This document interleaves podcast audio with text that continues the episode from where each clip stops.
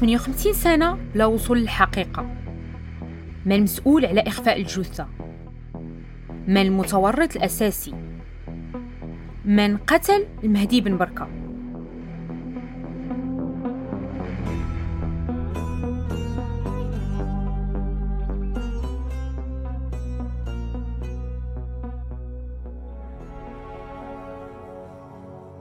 It's my theory لدي نظرية. فما أتيت به جديدا في قضية بن بركة أن اختفاءه كان له جذور أو أسباب مرتبطة بالتعاون مع المخابرات التشيكوسلوفاكية. أنا النقيب كارل نيفلت موظف بوزارة الداخلية التشيكوسلوفاكية أقدم مقترحا لتجنيد مواطن أجنبي المهدي بن بركة. إذا أن يقال بأن بن بركة كان يقدم معلومات لدول أجنبية فهذا مضحك لكن ما هي الأسباب في هذا الادعاء الجاسوسية؟ المهدي كان من من من رواد الحركة التحررية في المغرب حركة يعني يعني الحركة الوطنية من أجل الاستقلال المغرب اللي حلم به الملك الحسن الثاني كان شيء آخر. الحسن الثاني كان شخص متناقض بشكل كبير. هو كيعجبو الفلوس والماكلة الشهية والحاجات الثمينة واللي عندها قيمة كبيرة. لكن الصفة البارزة في الطبع ديالو واللي كتخوف بشكل خاص هي أنه ما كانش كيحترم حتى واحد.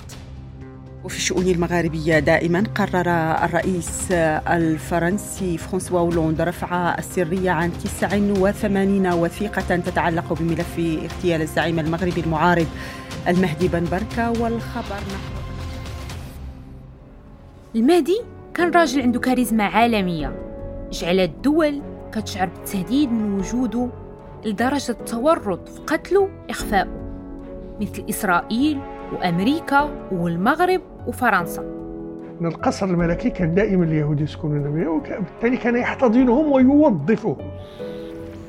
يعني الوالد مالك عنده مسؤوليات سياسية كان يعني غائبا من البيت يعني لفترات طويلة. المسؤول عن اختفائه هو نظام الحسن الثاني. حد اليوم ما صدرش قرار أو حكم بخصوص المتورطين في الجريمة. واش ممكن يصدر قرار في المستقبل القريب؟ لن يصدر أي قرار اللهم إلا إذا تغير النظام في المغرب أو أصبحنا ديمقراطية. في موسم جديد من أحراز كنعيد فتح ملف اختفاء السياسي المغربي مهدي بن بركة. كنمشوا في التاريخ وكنحاولوا البحث على إجابات للغز شديد الغموض حول المتورطين في إخفاء بن بركة.